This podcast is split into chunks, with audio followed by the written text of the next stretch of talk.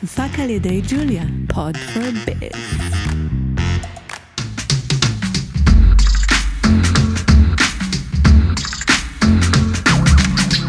כסף של אחרים. על משכנתה, מימון וכל מה שביניהם. הפודקאסט של אבירם טננבאום. ברוכים הבאים, פרק נוסף של הפודקאסט כסף של אחרים, אני אבירם טננבאום, בעלים ומנכ"ל, פרדס ייעוץ פיננסי ומשכנתאות, מומחה למימון, מה העניינים אורי? טוב, מה שלומך?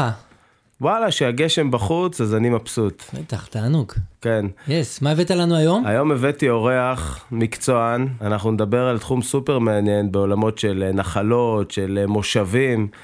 ואיתנו טל גזית, אדריכל, מומחה לעניין, יונק את זה מגיל אה, קטן מאוד, אהלן טל. אהלן, אהלן, מה נשמע? טוב, מה העניינים? הכל מצוין. יאללה, כיף שאתה פה. תודה על ההזמנה.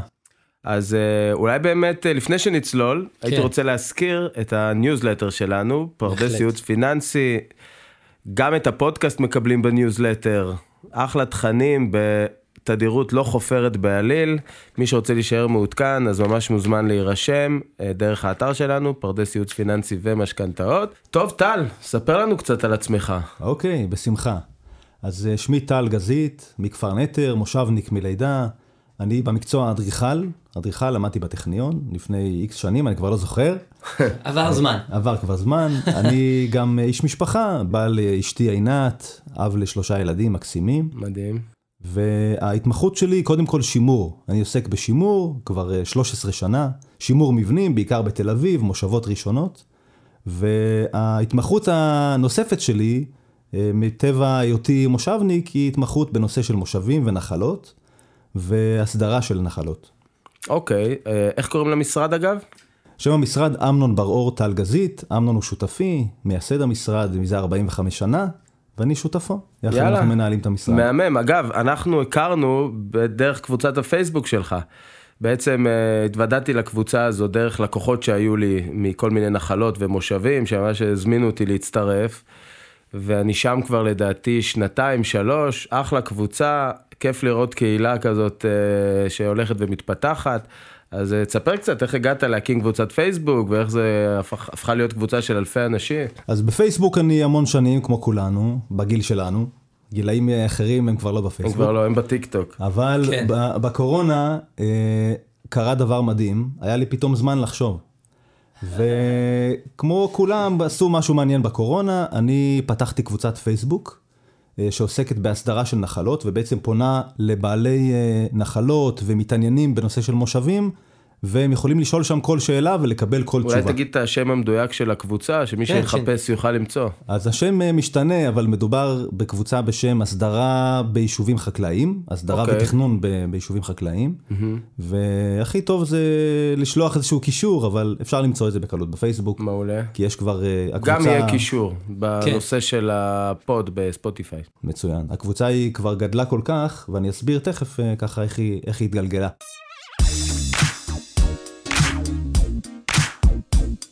אז ממה נתחיל? אולי נתחיל מההתחלה, לא? מההתחלה. מה זה נחלה? קצת להבין את העולמות האלה, את ההגדרות, ואז נוכל לצלול קצת יותר פנימה, קודם כל שנדע את הסיפור מסגרת. מעולה. אז נפתח את זה קצת יותר רחב. אז אנחנו בישראל, בישראל יש כמה סוגים של יישובים, והסוג הראשון של היישובים היו יישובים חקלאיים. אז התחלנו עם מושבות בסוף המאה ה-19, בתחילת המאה ה-20, והמשכנו, אחרי שהמושבות לא כל כך הצליחו, לשני סוגים אחרים למה שזה... למה אתה אומר? גם אני גר במושבה, גם אורי גר במושבה. כן, ככה הוא נכ... אמר שהמושבות לא הצליחו. הם, הם לא הצליחו במובן המושבתי חקלאי שלהם, כיום יש כאן אה, שופרסל ואתה יודע, מקומות בילוי לילדים. והנחלות אבל... זה זן הולך ונעלם בתוך היישובים האלה. גם החקלאות. גם החקלאות. כן. המושבות בעצם הפכו לאט לאט לערים. נכון. ואז uh, התפת... היו כל מיני התפתחויות בתחילת המאה ה-20, בכלל גם בעולם. ובארץ הקטנה שלנו המציאו שני סוגים חדשים של יישובים, מושבים וקיבוצים. אנחנו מדברים על תחילת שנות ה-20 בעצם, mm-hmm. והיום, 100 שנה אחר כך, אנחנו נשארים עם אותם קיבוצים ואותם מושבים שהוקמו במהלך העשורים הבאים. יש לנו כ-270 קיבוצים, כ-430 מושבים. וואלה. ובמושבים יש uh, יחידת קרקע מיוחדת שנקראת נחלה. היא, היא קיימת גם בקיבוצים, אבל הקיבוץ מאורגן אחרת. נכון. ובמושבים יש בעצם הטבע שלהם זה משקים משפחתיים, משק משפחתי מתנהל בנחלה, שהיא איזושהי חלקת קרקע בין 25 דונם, אה, כולל השטח החקלאי, ל-60 דונם, תלוי באיזה אזור בארץ. אוקיי. אגב, אני חייב להגיד לך שאתה בתור מישהו שהוא נצר למשפחה אה, ממושב עם נחלה, אז אולי אתה לא מכיר את זה, אבל נחלה זה... זה משאת נפשם, זאת פנטזיה של כל כך הרבה משפחות בישראל שמפנטזות על המרחבים האינסופיים האלה, על הבית הזה עם החצר האחורית שלא נגמרת וממשיכה לחלוטין. לתוך השדות. לא, זה לא, זה לא רק ה, ה, כל מה שאמרת, זה, זה מתחיל ברמת השם. איפה אתה גר? אה, יש לי נחלה, פשוט. זה... זורק אותך לימי התנ"ך. ממש. אוקיי, אז בעצם יש לנו את היצור הזה שנקרא נחלה. אה, במה זה שונה מיחידת קרקע אחרת, אה, בין אם זה מגרש בעיר או כל דבר אחר, אוקיי. או אפילו מגרש במושב שהוא לא נחלה. נכון. אז נחלה היא נכס ייחודי, והמדינה מתייחסת אל, ה, אל הנחלות כנכסים ייחודיים, שצריך לשמור עליהם, זה כמו מאגר שלא, אה, שהוא, שהוא לא מתכלה, אבל גם לא, לא גם לא נוספים עליו. מתחדש. בדיוק, לא, לא מתחדש. ועלייה וקוץ בה. מצד אחד, כמו שאמרתם, זה נשמע כמו אחוזה, נשמע כמו מרחבים אינסופיים, אבל חלים על נחלה חוקים מאוד מאוד נוקשים, עוד משנות ה-60. בעצם כשנולד חוק התכנון והבנייה, לפני, אה, לפני שנת 65 היינו עם פקודת בניין ערים הבריטית, mm-hmm. ומאז שנת 65 יש את חוק התכנון והבנייה, ואת רשות אה, מקרקעי ישראל, שהייתה פעם המינהל, מינהל מקרקעי ישראל. בעצם כל היישובים החקלאיים מוחזקים באדמות מדינה. המדינה מחזיקה את הקרקעות האלה, ויש לה סט של חוקים מיוחדים לנחלות. אז אין נחלות בטאבו? הנחלות ברובן, אני יכול לומר מעל 90% מהן, לא רשומות בטאבו. וואלה. בעצם רשומות על שם קק"ל, רשות פיתוח, מדינת ישראל, והן נמצאות בחכירה. על בחכירת ידי- משנה בדרגה מאוד נמוכה שנקראת בר רשות. החלטה מספר אחת של רשות אה, מקרקעי ישראל או של מועצת מקרקעי ישראל אומרת שהקרקע ביישוב חקלאי תינתן כנחלה בחכירה. חכירה זה אומר שנתנו את הקרקע הזאת בחינם, עם איזשהו חוזה חכירה מתחדש, ויש חוזה שכירות מול מדינת ישראל שאתה צריך לעמוד בו. כן. המושבניק הממוצע אה, יודע שיש לו את המשק שלו, הוא לא תמיד יודע מתי יוקם כל מבנה במשק, הוא לא יודע מה חוקי בהכרח, וככה בעצם נולדה קבוצת הפייסבוק ש, שפתחתי בזמן הקורונה, אה, שהמטרה שלה להנגיש את הידע. אני בעצם גיליתי, על ידי איזשהו מקרה שקרה שאני אספר אותו, גיליתי שיש פער מאוד מאוד גדול בין הידע של מה שהמושבניק יודע, לבין החוקים האמיתיים. כלומר, אתה אומר, רגע, אם אני אה, אה, מנסה ל- ל- להגש- ל- להבין את זה יותר לעומק, לתת דוגמה, יכול להיות שעכשיו אני אה, ירשתי נחלה מ- אה, מהמשפחה, והתחלתי לעבוד, ואחרי כמה שנים החלטתי לממש את הקרקע.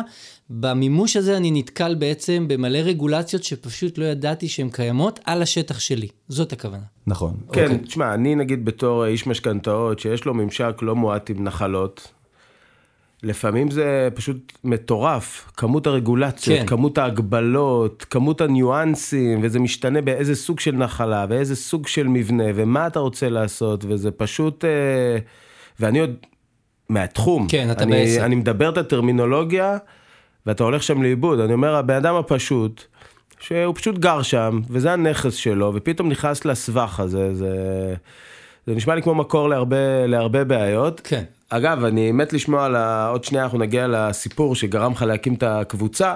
רק אם תוכל לתת שני משפטים על מונח שהזכרת מקודם ככה תוך כדי, ברשות. תן לנו ככה בשני משפטים, מה, מה זה בעצם ברשות? אוקיי, אז יש כמה, בחוק יש כמה אה, סוגי בעלויות. יש אה, את מה שאנחנו מכירים בעלות בטאבו. אני הבעלים של המקום, חוק הקניין הוא חוק מאוד מאוד אה, חזק. הוא חזק מהרבה מאוד חוקים אחרים. ובתוך אה, חוק הקניין והבעלויות יש כל מיני דרגות של בעלות. אתה יכול להיות רשום בטאבו, אתה יכול להיות חוכר לדורות, אתה יכול להיות אה, סוחר, ואתה יכול להיות בר רשות. בר רשות במקרה של מושבים, נתנו לך את הקרקע כדי לגור שם, לעבד אותה, וגם, אה, אה, וגם להתגורר. כלומר, יש לך חובת מגורים. שזה אחד הנושאים שכתובים באותה החלטה מספר אחת. אומרת, זה לא נכס שאתה יכול להגיד, אוקיי, אני עכשיו הולך לחיות את חיי הפנסיה שלי בתל אביב ומשכיר אותו? אסור לך להשכיר, ויצאה עכשיו בדיוק כתבה גם על, אה, על כך שאסור להשכיר. וואלה. ויש אה, חובת התגוררות, אתה חייב לגור שם. אפילו עד כדי כך זה אבסורד שבעלי נחלה מבוגרים, יש פחות ופחות חקלאים, נכון? והחקלאים גם מתבגרים. כן. בסוף הם צריכים להגיע לאיזשהו דיור מוגן. איך תשלם על הדיור המוגן, שהוא לא בנחלה, כן, ועדיין... בלי, אה, ובלי שתזכיר את ובלי הנכס. להזכיר את זה, מאיפה מדהים. תשיג אה, כך וכך אלפים או עשרות אלפים בחודש, זה הזיה מוחלטת, ובעצם פה בדיוק הנתק. אז איך גיליתי את הנתק הזה? פנה אליי שכן, לא עסקתי בתחום הזה כל כך, עסקתי, כמו שאנחנו יודעים, עד היום בשימור, שימור, כן. ופנה אליי שכן שאמר, אני מעוניין להתחיל אה, לפתח את הנחלה שלי, היא די נטושה היום, יש בית אחד, מושכר, ואני לא יודע איך לפתח ולהוריש בעצם ולהתחיל לסדר את הנחלה לילדים. ויש לו לול אה, הרוס, והוא ניסה ל- ל- לפרק אותו באופן סופי ולפנות אותו, ובא אה, פקח מהמועצה ועצר אותו. אל תמשיך לפרק את הלול, הלול הוא בהיתר, אתה צריך להגיש היתר כדי לפרק את הלול ההרוס. מה? אמרנו... צריך אני- היתר לבנות, לא צריך היתר לפרק. הנה, מה, זה משהו מסתבר חדש? שכל, מסתבר שכל דבר שדורש היתר כדי לבנות אותו, גם דורש היתר כדי לפרק אותו. גם אם הוא כבר הרוס ונטוש וכבר לא, אין בו שום תרנגולות ושום ביצים כבר 40-50 שנה. מדהים, וזה בטח עולה כסף. עולה כסף כל דבר, אנחנו כן. יודעים שכל uh, ייעוץ קטן uh, עולה כסף, אז אני לא לקחתי לו עדיין כסף, אבל בהחלט ניסיתי לעזור לו מול המועצה, ויש כל מיני אפשרויות כמו צו, צו הריסה וצו פירוק ודברים שמאפשרים בלי לחכות עכשיו שנה, אבל התהליכים הם תמיד תמיד מסובכים, ועוד לא הגענו אפילו לדבר על רשות מקרקעי ישראל, אלא אנחנו עדיין בתוך הבית, במועצה. אז כאן, אה, כאן הבנתי באיזושהי שבת שאני חייב לפתוח קבוצה, אני ואשתי פתחנו אותה, שנינו מנהלים אותה. אה, אשתך גם בתחום? אשתי בכלל לא בתחום וגם לא ממש מנהלת את הקבוצה. אבל היא פתחה איתך. אנחנו פתחנו מדהים. ביחד וחשבנו על כל הפוסטים הראשונים, בהתחלה עבדתי מזה מאוד מאוד קשה. והיום הקבוצה פשוט חיה לבד, יש בה 4,500 איש. וואו. 90% מהם בעלי נחלות. אם אתה מתרגם את זה לדונמים, אתה יודע כמה זה יוצא? כמה דונם אה, הקבוצה הזאת זה מחזיקה. אחוז לא קטן של מושבניקים. כן. לא, אבל אני חייב לציין שהסיפור הזה ממש קירר אותי מפנטזיית הנחלאות הזאת שדיברנו עכשיו נחלה זה, מקודם. כשאתה מדבר עם מושבניק, הוא יגיד לך שנחלה זה כלוב של זהב. מצד אחד יש את כל הדברים המדהימים האלה שאתה חושב עליהם, כן. והמרחבים, ו... אני יוצא למטע הזיתים ש... אני הולך לטיול עם הטרקטור. בקצה המרפסת שלי. ומצד שני, ההתעסקות עם המינהל יאללה. היא בלתי פוסקת, זה משהו שכאילו תמיד נוכח בחיים שלך באיזושהי צורה. זאת החוויה שאני מקבל ממושבניקים, זה תמיד נוכח בחיים שלך, זה לא איזה אפיזודות. כן, זה שותף שכפו עליך. הוא תמיד שם. כן. כל... יש לך כל כך הרבה צמתים שאתה נתקל בו בחיים. כן. וכן. מה שמעניין זה שהוא היה שם קודם, מי? המינהל. המינהל. אה, כלומר, מינהל. אנחנו בטוחים ש, שאנחנו אה, בעלים וגרים שם, ויש איזה איום נוסף ש, שיכול להגיע, ובפועל החוזה שלך הוא מול המינהל עוד מימים ימימה, עוד מסבא ואבא של סבא, כן. ואנחנו לא מכירים את החוזה הזה, כי זה חוזה שרשום אי שם בתוך האגודה, לא, אנחנו כ, כחבר'ה צעירים לא חברי האגודה עדיין, עוד לא ירשנו משקים. מילה מה זה אגודה? האגודה היא האגודה השיתופית, שהיא בעצם אה, מרכזת, אגודה שיתופית חקלאית, שמרכזת את כל, בעלי החבר, את כל החברים ב, ביישוב. סוג של אה, קואופרטיב כזה? קואופרטיב ממש, זה קואופרציה. גם אני הקיבוצים. וגם המושבים הם קואופר- אז- אז אם היית- יש פה פלשבקים לשיעורי היסטוריה על העלייה הראשונה, אבל שנייה, אנחנו יכולים לדבר בשפה הזאת. אגודה. על הקולחוז. אז, אה, אז זה משהו מיוחד במושבים ובקיבוצים, לעומת, אה, לעומת אה, מדינות בחו"ל, מדינות אחרות. ולעומת מגרש בעיר. וגם מגרש בעיר, בדיוק. בעצם המושב מאוגד, אה, או הנחלות, בעלי הנחלות מאוגדים בקואופרציה, שזו שיטה אחרת. אז בעצם אם הייתי צריך אה, ככה לרדד את זה למשפט או שניים, אז ההבדל העיקרי בין מגרש, בין נחלה במושב למגרש בעיר, זה קודם כל רמת הבעלות, רמת האוטונומיה שיש לך על הנכס שלך, זה אחד, וגם רמת המורכבות של התחזוקה וההתנהלות השוטפת על דברים שאתה רוצה לעשות על אותו נכס. זאת אומרת, זה גם העניין שאתה בבעלות יותר חלשה, וגם אתה כפוף להמון רגולציה ויכול למצוא את עצמך בהמון סיטואציות אה, של אה, בירוקרטיה ו... והתעסקות עם אה, רשויות ממשלתיות. ולזה אני אוסיף גם סט נפרד של חוקים. משלו. בעצם, סט משלו. אז יש לנו שני סטים של חוקים, וזה חשוב להבנה. סט אחד של חוקים זה חוקי התכנון והבנייה, זכויות בנייה, כמה יחידות מותר לבנות בנחלה אחת, ואיזה גובה ואיזה קווי בניין. וסט שני זה חוקים קנייניים, שבעצם מוכתבים על ידי המדינה. כמה, וזה קשור בעיקר לכספים, כמה כסף צריך לשלם כדי לבנות. אה, מה, איזה היקף בנייה בסיסי אתה לא צריך לשלם עליו. והחוקים האלה קצת מתערבבים, והמושבניקים, אה, מה שנקרא, הראש שלהם מבוצץ במידע, ובסוף צריך אה, ככה לעשות סדר במידע הזה, וזאת המטרה של הקבוצה וגם של הפודקאסט הזה. חד משמעית, היום אני רוצה לצאת מפה ולהבין מתי משלמים את ה-3.75 ומתי את ה-33 אחוז ומה זה נותן לי פה ומה זה נותן לי שם, כי שמעתי את זה יותר מדי פעמים ואני צריך לעשות שם סדר בעניין הזה. אז אה, בוא נדבר קצת באמת על אה, חוקי התכנון ועל הסדרה. אז אם נתחיל, אה, נמשיך מהנקודה הקודמת, היו לנו את המושבים והקיבוצים שהוקמו, והם הוקמו על בסיס של חקלאות. אז בשנות ה-80 התחילה, התחיל משבר בחקלאות, אה, זה קשור גם לאינפלציה שהייתה ו, וכל הנושא הכלכלי, הכלכלה שהייתה בארץ, כן. והתחילה מודעות לצורך בפתרונות פרנסה אחרים למושבניקים. התגלגלנו לשנות ה-90, משבר אה, של חלק מהמושבים והקיבוצים, ובשנות ה-90 החליטו לנסות לעגן את הזכויות של המושבניקים בקרקע שלהם.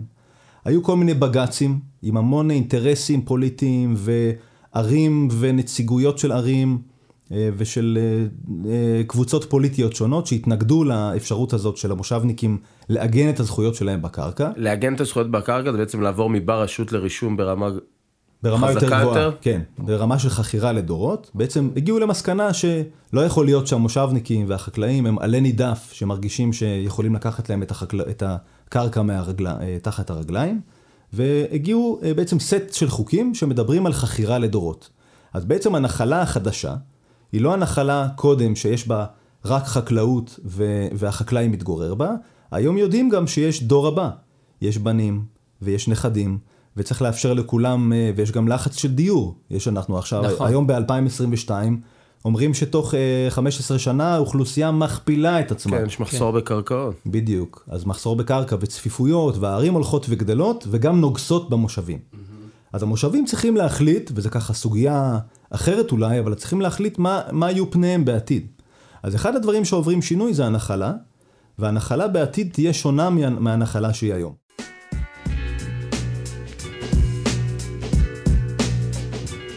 אוקיי. במה זה מתבטא? כן, במה זה מתבטא? אז אנחנו מדברים על אה, נחלה שיש בה מעט חקלאות, או מעט חקלאים במושב, וכל היתר יש לו אופי של חקלאות, אבל כבר אין בו חקלאות. אז מה כן עושים? אז אפשר אה, לדבר על סט חדש של חוקים, שמאפשר לעגן את הזכויות של החקלאים בקרקע. מה זה אומר? זה אומר לרכוש את הזכויות. אוקיי. Okay. באזור המרכז זה מדבר על עלויות מאוד מאוד גבוהות, כן. אפשר לעשות את זה בחתיכות, וזה ככה נושא בפני עצמו. אוקיי, okay, אז בוא, בוא, בוא נעמיק שם. ממה שאני מכיר, וסביר להניח אני לא אדייק, בעצם יש כמה דרכים לעשות את זה, וכל דרך גם נותנת לך רמה שונה של, אה, של אה, זכויות ושל חופש. אז אני יודע שיש חלופה ששמים אה, אחוזים מועטים משווי השמאות, אם אני זוכר נכון זה 3.75, ואז אפשר לעשות פעולות מסוימות שאתה תרחיב אותן. רגע, 3.75 אחוז. מהשמאות. מהשמאות. של חלקת המגורים. של חלקת, שהשמאות כן. היא מהבנק, היא מהמדינה, מי, מי הוא השמאי? המינהל. המינהל. המינהל שולח את השמאות. אז אתה, בסופו נכון, של דבר... נכון, אני צודק, איתן? המינהל שולח את השמאות, אבל אתה תמיד תעסיק שמאי משלך. הנה, התחלנו לדבר כן. עכשיו על בעלי המקצוע שצריך. כן, ולתת קונטרה. יגיש, ואז הוא יעשה ערעור? יעשה ערעור, ואז יהיה ערעור שני, ואז בסוף תהיה לשמאי בורר, איך זה נקרא. בדיוק, תהיה כן. החלטה של ועדת השגות, וגם עליה אפשר לערער. אז יש את ה... וכל של... זה תהליך רק של שנתיים. אז יש את ה-375, עוד שנייה אתה תעמיק על זה, ואני יודע שמי שרוצה אוטונומיה מוחלטת, אז אה, יש גם אה, היוון של 33% אה, שצריך לשלם. שזה יוצא כבר מיליונים. ברור. ברוב האזורים בארץ זה כבר יוצא מיליונים, וזה מחבר אותי לנושא שאנחנו נדבר עליו בסוף הפרק, שזה המשכנתאות לנחלות, כן. ובעצם אה, איזה מימון אפשר לקבל, האם אפשר לקבל מימון להיוון, מעבר לזה שזה חרוז, צריך גם כסף. אולי היוון למימון, כן. צריך מימון זה... להיוון. בסוף כל דבר עולה הרבה כסף. עולה הרבה כסף, זה. אה, והאם אפשר לקבל את זה בשעבוד הנחלה עצמה, אבל זה כבר אה, בסוף טיזר קטן. כן. אז בוא באמת תדייק אותי באפשרויות האלה. כן. אז רגע לפני שנצלול לחוקים האלה, נגיד בכלל מה התנאי כדי להגיע אליהם. התנאי כדי להגיע אליהם זה נחלה מוסדרת, נחלה נקייה מחריגות. וכאן זה קאץ' מאוד מאוד גדול, וזה גם, גם מתחבר לסיפור על הלול. על תראה, הלול. לי, תראה לי נחלה אחת כזאת. בדיוק. אז זהו, מי שרוצה לעשות מהלך, להוציא היתר, לקחת משכנתה, אז צריך לעשות הסדרה של המשק. אז, אז הנה הנתק הראשון. מצד אחד יש סדרה של חוקים שמאפשרים לרכוש את הזכויות במשק וליהנות ממנו ולהתייחס אליו כנכס. מצד שני, התנאי הראשון הוא נחלה נקייה מחריגות, כמו שאמרת, כן. מעטות הנחלות האלה, ובעצם אחת המטרות של הקבוצה, ובכלל של העלאת המודעות לנושא הזה, זה לראות איך מסדירים את הנחלה, וגם בכלל מה זה הסדרה. אז הסדרה היא הסדרה קניינית והסדרה תכנונית. הסדרה תכנונית בפשטות זה שכל ה... מה שבנוי בנחלה יהיה חוקי. כן. לפי חוקי התכנון והבנייה, ללא חריגות, שכל השימושים יהיו לפי החוקים הקיימים זאת אומרת, כיום. מה שבלי היתר, או להוציא לו היתר או להרוס אותו. נכון. וכאילו שהכל יהיה מיושר בהתאם לחוקים. כן. וזה לא פשוט, כי לא תמיד אנחנו יודעים בכלל מה יש. הנחלות, אם נדמיין רגע, זה כמו אה, אה, חלקת קרקע שבנויה כבר המון שנים, היא, אה, בנו אותה כבר כמה דורות, מי שבנה אותה, אנחנו כבר לא, לצערנו לא מכירים אותו, הוא כבר נפטר, זה הסבא או הסבא רבא, והוא לא סיפר לנו מה חוקי, מה היה הבית המקורי, מתי הוא הוסיף את התוספת הזאת והזאת. אבל חוקי התכנון מחייבים אותנו לעשות סדר בדברים האלה, mm-hmm. ולכן יש תמיד תהליכים של מדידה, לזהות מה יש, להתייעץ עם בעל מקצוע ולהתקדם אה, עם הנושא של אז ההיתרים. בעצם נקודת הפתיחה לכל תהליך שהוא, זה קודם כל האישור קו הזה של ההסדרה. אז זאת ההסדרה התכנונית. התכנונית. לצד זה אמרנו שיש שני סוגים של אה, חוקים, שני סטים של חוקים. ההסדרה השנייה היא הסדרה קניינית. זכו- הזכויות על המשק צריכות להיות על שם המבקש, שזה יהיה רלוונטי ולא על שם הסבא רבא כן. שעדיין לא העבירו את הזכויות ממנו, כן.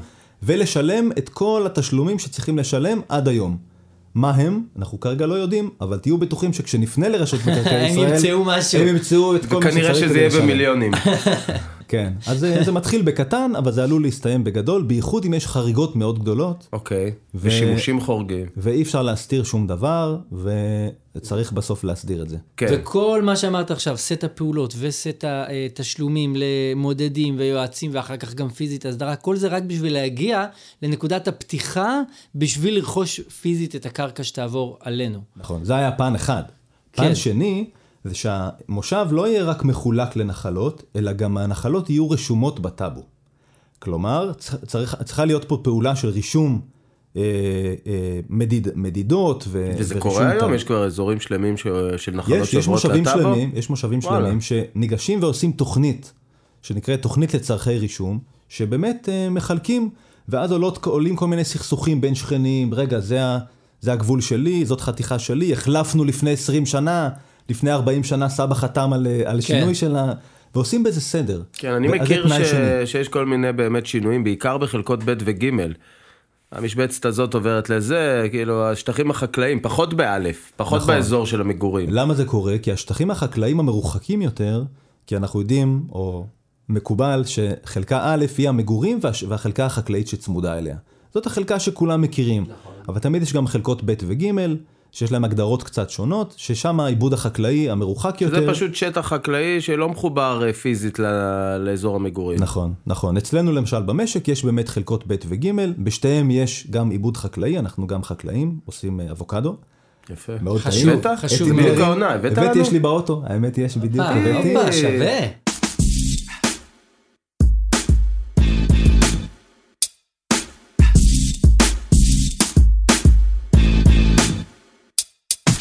אוקיי, נראה לי שהבנו פחות או יותר את המורכבות של הדבר, ושזה באמת יכול להסתעף לאין ספור כיוונים. עכשיו אני רוצה להיות פרגמטי. אני בעל נחלה, עכשיו אני רוצה לעשות מהלך, אה, לבנות עוד בית, אה, אולי אה, אפילו שמעתי שאפשר להוציא חתיכה מהנחלה ולמכור. אני רוצה, אני רוצה עכשיו להתחיל לעשות דברים, להיות אקטיבי. מה, מה אני צריך לעשות בעצם, ומה האפשרויות העומדות בפניי. אז לפני כשמונה שנים, שש שנים, שמונה שנים, קיבלה מועצת מקרקעי, מקרקעי ישראל החלטה מאוד מאוד חשובה, שדיברה על, אה, אה, על החכירה לדורות, על הנחלה העתידית. ובעצם אפשר להצטרף להסדרים. התנאים שאמרנו קודם, שהנחלה תהיה ללא חריגות, ושהנחלה תהיה רשומה כחלקת קרקע נפרדת, זו החלטה גורפת לכל המושבים לכל בארץ? המושבים בכל הארץ. אוקיי. כן. אה, יש תנאים שונים לאזור קו עימות, אה, אזור המרכז וכולי, אבל ההחלטה היא אותה החלטה, שניתן באופן אה, התנדבותי להצטרף להסדרים האלה. מה, מה זה ההסדרים האלה? ההסדרים האלה בעצם מאפשרים כמה פעולות.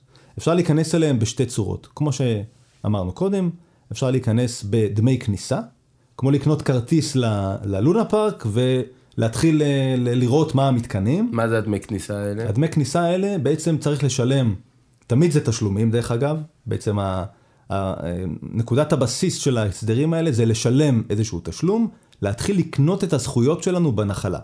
מתוך הנחה, חלקה שגויה לדעתי, שבעצם אה, החקלאי קיבל את הנחלה ללא שום, אה, ללא שום תשלום.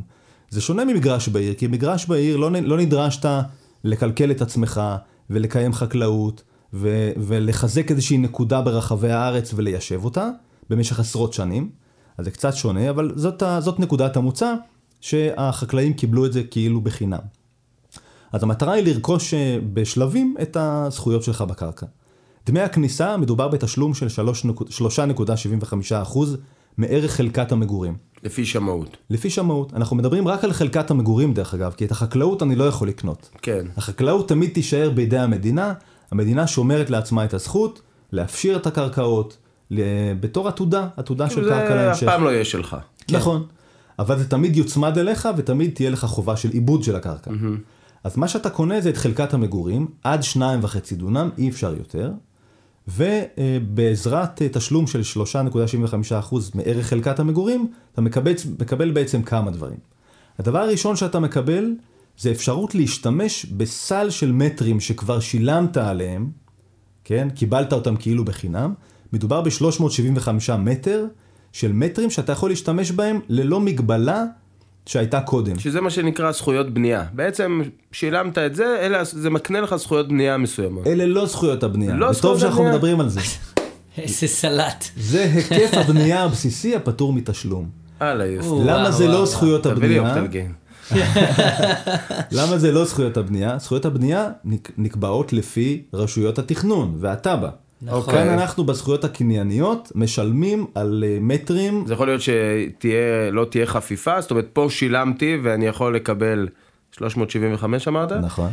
ומבחינת זכויות הבנייה שהוועדה המקומית מאשרת לי זה יהיה פחות, ואז יוצא ש... ששילמתי על זכויות בנייה שבפועל אני לא יכול לממש, להפך, זה יהיה בדרך כלל יותר. יותר, ואז אני צריך אה, להוון עוד. להוון עוד ולשלם עוד.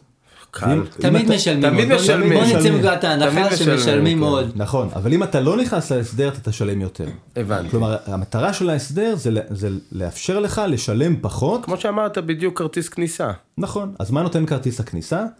הכללים של הרשות אומר- אומרים שיש מגבלה של בית של 160 מטר. מעבר ל-160 מטר צריך לשלם דמי חכירה מהוונים מאוד מאוד יקרים, על כל אוקיי. מטר נוסף שבונים.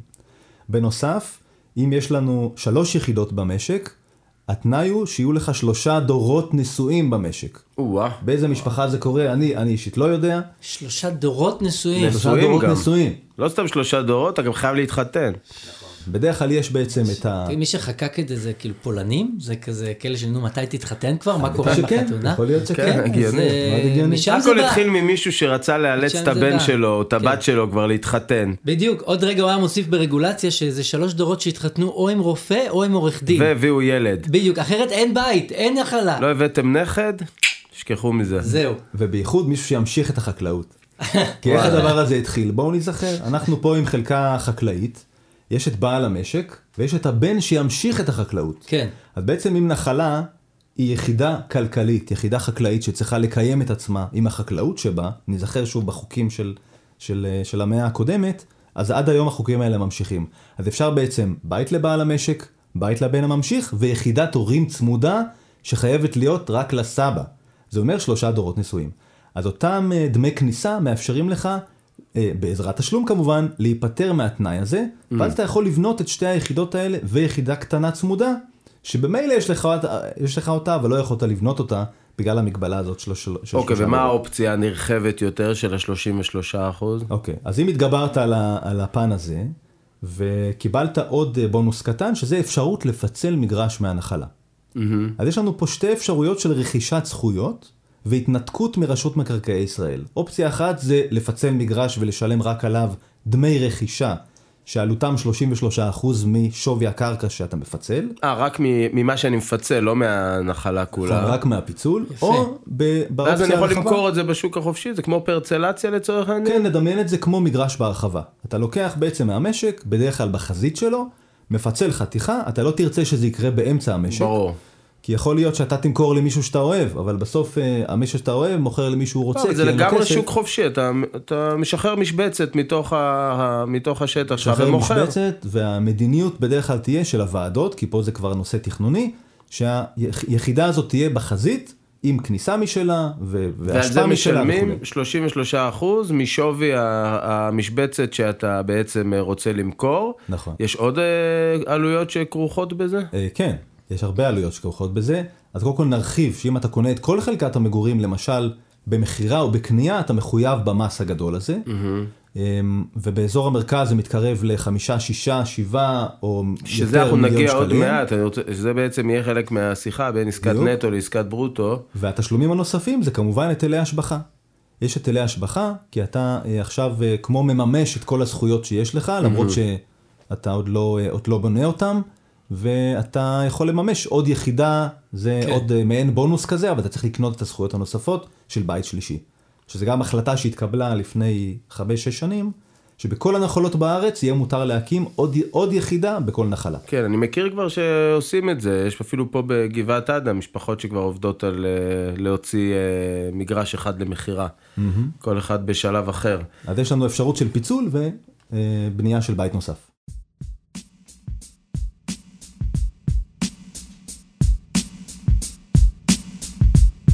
אז בעצם הבנו שיש אה, כל מיני אפשרויות מבחינת מגורים בנחלה, בין אם זה מכירה לגורמים חיצוניים או בנייה של יחידות נוספות בתוך המשפחה. מה קורה עם דברים שהם לא חקלאיים ולא מגורים, מה שנקרא בעצם פלח, פעילות לא חקלאית?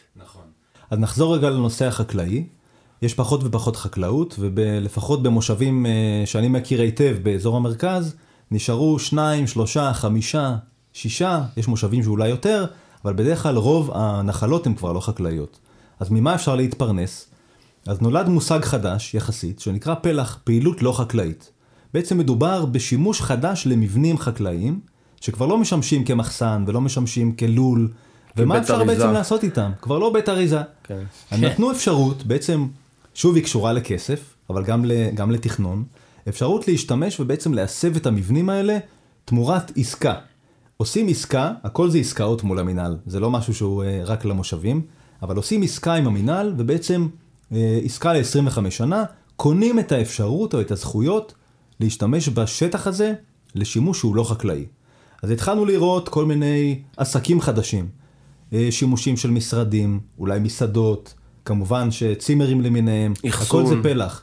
אחסנה להשכרה, רק אחסנה אפשר להשכיר, כל השאר אסור להשכיר, זה חייב להיות לשימוש בעל המשק.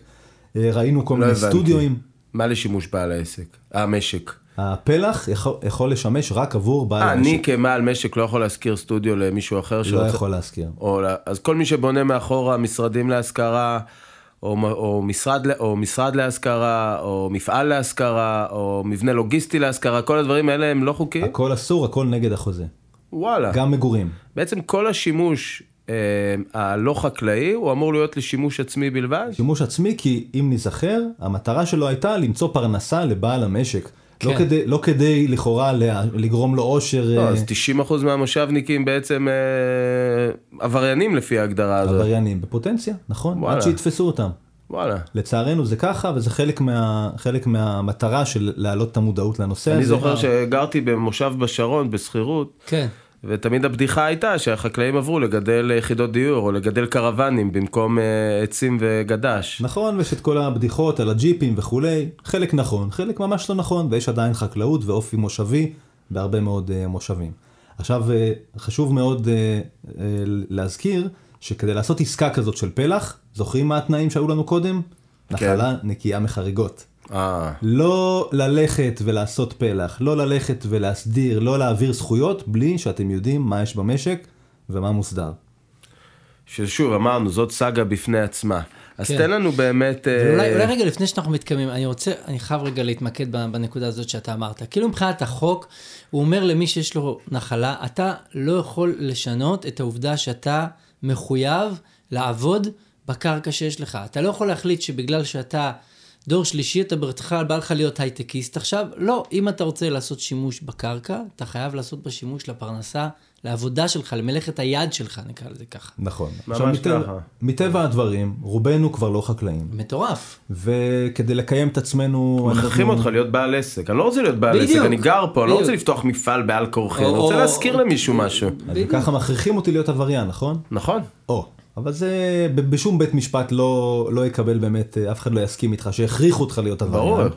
אז כשתופסים אותך אתה באמת עבריין, אבל עד שתופסים אז כולנו כנ- כנראה נהנים מה, כן, ממה שאפשר לעשות. סיטואציה קצת מעוותת. ממש. באופן לא מפתיע, כן? מינהל מקרקעי ישראל הוא ידוע בזה שהוא יכול אה, להכניס אנשים לפינות לא סימפטיות. בהחלט, והם רואים הכל, הייתי עדין, לא? יש, אה, הייתי עדין. היית זה עדין. מוקלט. כן, הכל מוקלט, הכל כן. מתועד, טוב שהיית עדין. נכון, כן. בואו נזכור אבל ככה מילה של הסתייגות, שבסוף אנחנו באים לקיים את החוק, ובסוף יש חוקים, והם מאוד מאוד ברורים וכתובים, ובסוף אה, אם תופסים אותך, אז זה כי אתה עשית משהו לא בסדר. לא, לא, ברור, יש לא חוקים שאתה עובר. עליהם את התואנה, שעדיין מותר גם להגיד שחוקים מסוימים אה, לא סבירים, והם דוחפים אנשים אה, למקומות שהם כן. אה, אפרוריים במקרה הטוב. אז זה, זה גם משהו. בדיוק. זה גם פה- משהו שמותר להגיד. אז פה המקום לדבר גם על האפשרויות להיכשל בתהליך או, הזה, מוקשים, ואיזה שהם מוקשים בתהליך. יאללה. אז uh, נתחיל מזה שהתהליך הוא ארוך. התהליך הוא גם משפחתי. נזכור שנחלה היא משפחה, גרים בה כמה דורות, תמיד זה משפחה שגרה אחד ליד השני, ויש פה גם תהליך פסיכולוגי. כדי ליצור איזשהו שינוי במשק צריך לדבר. צריך שהאבא יסכים, שהאחות תסכים, זה דבר מורכב יחסית, ויש פה תהליך לעבור עד שמחליטים איזושהי החלטה להסדיר את המשק. ואז כשמחליטים החלטה כזאת, יש פה תהליך שלוקח כמה שנים. צריך סבלנות, צריך כסף, צריך להחליט החלטות תוך כדי, וצריך אולי לשלם גם מחירים כבר בהתחלה, כן. כמו פינוי של מבנים, כמו פינוי של אחד האחים.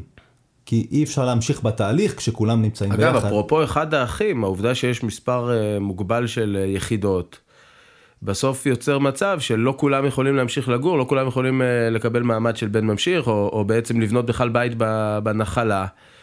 אני חושב על זה כמשפחה, זה יכולה להיות נקודה מאוד מאוד קשה. מאוד קשה ורגישה, וגם אין מקום כבר לגור, כי במושב יש המון שוכרים, כמו שאמרנו, יש המון שוכרים, ובעיר צפוף ואין אה, אין דירות. אנחנו עכשיו במשבר אה, דיור ותכנון דיור, ויש לנו כאן מצב די תקוע. כן, אז מה אוקיי. בכל זאת עושים? צריך אה, לפרום את, ה, את הפלונטר הזה לאט לאט. ובעיקר הייתי אומר, לדעת בהתחלה מה אתה רוצה שיקרה בסוף. ולתכנן את כל התהליך הזה כבר מראש, אחרת אתה נכשל בדרך כמה וכמה פעמים ומשלם המון כסף מיותר. אז אמרנו, המכשול הראשון זה שזה לוקח הרבה זמן. הדבר השני זה שבעצם מדובר באירוע מורכב מבחינה משפחתית. מה, איזה עוד מוקשים נגיד יכולים אה, לבוא עלינו? אני חושב שמוקש רציני זה מוקש שאומר, אני, אה, אני מתעלם מהבעיה.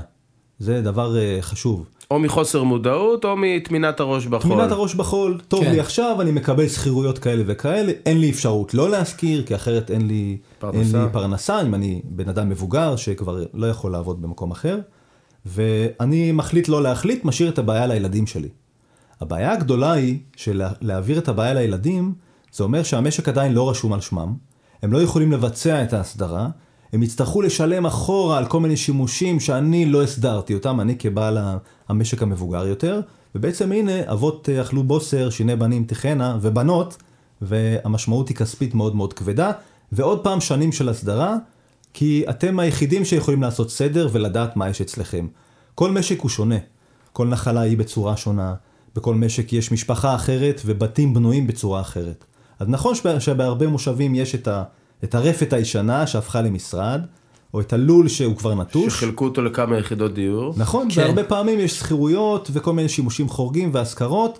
אני בא לפעמים למקומות ונותן ייעוצים שיש בהם שבעה, שבע דירות מושכרות, וואו. ועוד אלפי מטרים של מחסנים. אין לזה שום קיום, ולא רק זה, יגלו את זה, אתם תשלמו מיליונים. מיליונים. תשלמו מיליונים. כן, כמו המקרה ההוא שהיה, שמעתם אה, בכפר טרומן, שלקחו לו את המשק בגלל ה... היה שם מישהו שעשה חניון, חניון אה. אה, לבאי לשדה שדה התעופה. כן. חניון טסים. עכשיו זה סיפור יותר מורכב, כי היו נגדו פסיקות ו- וקנסות, והוא קצת צפצף על החוק. שוב, אני לא מכיר, אז אני לא רוצה להיכנס לפרטים, אבל בסופו של דבר קראתי כתבה שלקחו לו את הנחלה. פשוט באו ולקחו לו נחלה בכפר טרומן. כן. זה כנראה סיפור של אה, דו ספרתי במיליונים, כן? זה דו ספרתי בטוח, פסק דין קלקודה אתה מתכוון, וזה משק... לא, זכרתי שהיה לו שם מגניב. בדיוק, קלקודה, זה... וזה לא סיפור כל כך נדיר, למה? כי וואלה. הפסק דין אמר, שהוא הוא אמר קלה כבחמורה. מה זה אומר? שגם הוא עשה שימוש, אה, בוא נאמר, באמת, לה- להשתין מהמקפצה זה מילה יפה לדבר הזה, ובאמת אה, עשה כנראה מיליונים, לא, אני לא מכיר את כל הפרטים, אבל זה, זאת עובדה, ובאמת שפטו אותו באופן חמור ולקחו לו את המשק. ואז אנחנו אומרים לעצמנו, אה, טוב, הוא עשה אה, ככה פשע גדול, אצלי זה פשע קטן. אבל זה לא נכון, כי פסק הדין אומר, קלה כבחמורה, כל אה, חריגה מה, מהחוזה יכולים אה, גם לקחת לכם את ה... נראה לי שזה מס שפתיים, הם לא ייקחו למישהו את המשק בגלל שהוא עשה לא, אבל יחידה פסק, זה עשה להשכרה. שינוי בחשיבה, וואלה? פסק דין הזה, חד משמעית.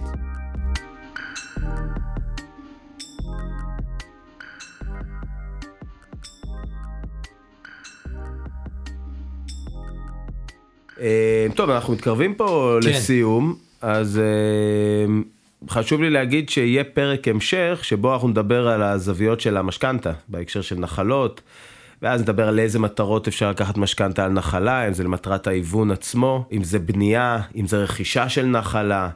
אה, יש נושא שהוא סופר מהותי במשכנתאות על נחלות, שזה השמאות. יש פער מאוד גבוה בין השווי שוק של נחלה לבין מה שהבנק מכיר בו כשווי לבטוחה, בגלל כל מיני הוצאות ודברים שצריך אה, לקזז. אה, על משכנתאות לבנייה בנחלה, כן אה, בן ממשיך אה, עם הגדרה רשמית של בן ממשיך או לא, איך בנקים מתייחסים לזה, אז, אז יש שם הרבה נושאים מעניינים שחשוב להכיר. מורכבים בעיקר. מורכבים, מעניינים, נישתיים, אבל אני חושב שיש בהם הרבה, הרבה עניין. ועוד דבר אחד שהייתי רוצה, ככה, שזה יהיה בעצם הרמה להנחתה לפרק הבא ממך, טל, אז אם תוכל לתת לנו איזה חידוד על ההבדל בין עסקת ברוטו לעסקת נטו, כי בעצם כשהולכים וקונים נחלה, זה יכול להיות מחיר של עשרה מיליון שקלים, ובסוף מה שיקבל בעל הנחלה לכיס יהיה הרבה, הרבה פחות. אה, הרבה פעמים גם מדברים מראש בעסקת נטו, זאת אומרת בעל הנחלה יבוא ויגיד אני רוצה לצאת עם חמישה מיליון, כל מה שמעל עליך. אז, אז קצת על זה, כי זה גם קשור אחרי זה למשכנתאות. אוקיי, בהחלט. אז יש את שווי, שווי המשק, אבל עבור אה, אותו בעל נחלה שחושב למכור, או חושב אה, לפצל מגרש, יש מיסוי מאוד מאוד גדול, שהוא גם אה, מיסוי למדינה וגם היטלי השבחה למיניהם, ולכן יש כלל אצבע כזה שאומר, אם המשק שווה 6 מיליון שקל, אתה בסוף מקבל ביד רק חצי. זה כלל אצבע חצי? כן. כן, רק חצי. כל השאר זה מיסוי, שמי ש... מי שמשלם יכול להיות שזה הקונה, יכול להיות שזה המוכר, כמובן שמי זה שמוכר כבר עניין מסחרי ביניהם, זה ש... איך שהם מסחרית. סוגרים את זה. בסוף המ- המס ילך לאותו מקום. כן, שאלה רק אה, מאיזה כיס זה יוצא. כן. אז טוב. זה- כן. האמת שלי זה חידש המון, למדתי הרבה, זה נושא שאותי אישית מאוד מעניין בתור מישהו שמפנטז על נחלה. כן. למרות. שאולי הורדת לי את, ממש. את, אה, את החשק לדבר הזה. בדיוק מה שבאתי להגיד, עד הפרק של היום אמרתי וואו נחלה, והיום אני חושב לעצמי איזה כאב ראש. נו, אז כבר זה יצא טוב למושבניקים, יקבלו הרבה יותר אמפתיה מעכשיו. נכון. כן. כן. לא, באמת נשמע נושא אה, מורכב, וגם בעיקר, אה, זה לא נשמע כמו איזה נישה קטנה בתוך כל עולם המקרקעין במדינה. זאת אומרת, יש מלא אנשים בתסבוכת. הזאת, מאות מושבים, מלא נחלות. לא, לא הייתי מודע עד הרגע הזה שזה המצב אני גם הרגולטורי חושב שלהם. שזה משהו שיתפוס נפח יותר ויותר גדול ככל שמצוקת הקרקע גדלה ואז יפנו לחפש אפיקים ואז פתאום הנחלות במושבים יהפכו לאפיק אה, הגיוני למצות ממנו קרקעות. אני מאמין שביום מן הימים זה יגיע גם ל... לחלקות החקלאיות ששם כן. אולי זה יהיה יותר פשוט כי יש פחות בעלות אישית אבל אני בטוח שגם שם תמיד תהיה מורכבות. ובואו נזכור שיש למדינה דילמה מאוד גדולה, מה לעשות עם המושבים האלה? המושבים הם חולשים, ובכלל מועצות אזוריות חולשות על uh, עשרות של אחוזים uh, מתוך הקרקע. לא, לא מתאפשר לבנות בהם uh, יחידות דיור uh, בצפיפות של עיר. ובאמת יש שאלה, מה קורה עם המושבים, איך שומרים על האופי שלהם מצד אחד, מצד שני, איך הם משתתפים בחגיגה הזאת של uh, צפיפות הדיור ומשבר הדיור. כן. אני מניח שמושבים שנמצאים באזורים אורבניים, חלקם כבר נבלעו, יש מושבים הרי שהם מובלעת בתוך אה, ערים. כן. וכן, וגם שם תהיה בנייה רוויה בסופו של דבר. אז אני רוצה לחבר את זה ככה לשימור באיזושהי צורה. יש מושבים היסטוריים שמתחילים להיבלע על ידי הערים. כפר נטר זה דוגמה יפה. גם בתוך הוד השרון, כפר מל"ל, בדיוק. והם מחפשים... גת רימון. גת רימון. כפר עזר. והם מתחילים לח- לחפש איך להגן על עצמם, ממש להתגונן, להתגונן מפני העיר שמגיעה עד אליהם. כי התכנון ש, של מתכנני הערים לצורך העניין, לא יודעים לעשות את הקשר או את החיץ בין העיר לכפר. ואז נוצרות כל מיני חיות כאלה של בנייה גבוהה של אה, 19 קומות, ליד בתים של הרחבה או בתים של אה, משקים. אין את ההפרדה ואין עדיין מודעות וחיבור בין המחוזות או בין האזורים השונים כדי לייצר חיץ שעדיין מאפשר את האופי הכפרי, והמושבים נאלצים להתגונן מפני העיר ולהתחיל לדבר גם על שימור, שימור מרקמים של מושבים. מעניין. כן. טוב, רק התחיל. אחלה. תשמעו, היה מרתק. ממש. ממש אה, נהניתי. זווית מאוד מעניינת על, אה, על עולם הנדל"ן בישראל דרך המושבים. כן, ו- כן, לגמרי. תודה רבה. מילה אחרונה, יש 30 אלף נחלות ב- במדינה. 30 אלף נחלות, וזה לא כולל מ- משקי עזר, לא ובתים בהרחבה. עזר. לא כולל, ו- לא כולל. 30 אלף נחלות, תכפילו את זה בשלוש, ארבע יחידות דיור, יש פה 120 אלף יחידות דיור שמצויות ב- בעולם הזה. אה, תוסיפו עוד כמה שנים, אני מאמין שיהיה גם אה, יחידה רביעית וחמישית בנחלות. מן הסתם. ובעצם כל אחד מאיתנו מכיר מושבניק שתקוע בעסק הזה. בסוף זה יגיע למצב שכמו ב- אפילו ביישובים, ביישובים כפריים, שהתב"ע מאפשרת לבנות אה, על 250 מטר, או אפילו על 200 כן. מטר, דו-משפחתיים. וזה כן. הולך לקרות. לשם זה יגיע זה בסוף. הולך לקרות, והנה מה קורה עם האופי המושבי. כי כשיש לך פתאום שכונת הרחבה כזאת במושב, כן, זה אה, כבר יותר עירוני. זה אפילו לא שכונת הרחבה, לוקחים את המשק שצמוד. לחלקה כן. א', מפשירים בו את כל ה strip, את כל הרצועה, והם מחלקים את זה עכשיו לארבע דו"אים, שמונה בתים, שמונה בתים. זה מה שקורה פה בכל היישובים החקלאיים באזור, לא נכון. במושבים, אבל תראה בנימינה, תראה גבעת עדה, תראה זיכרון.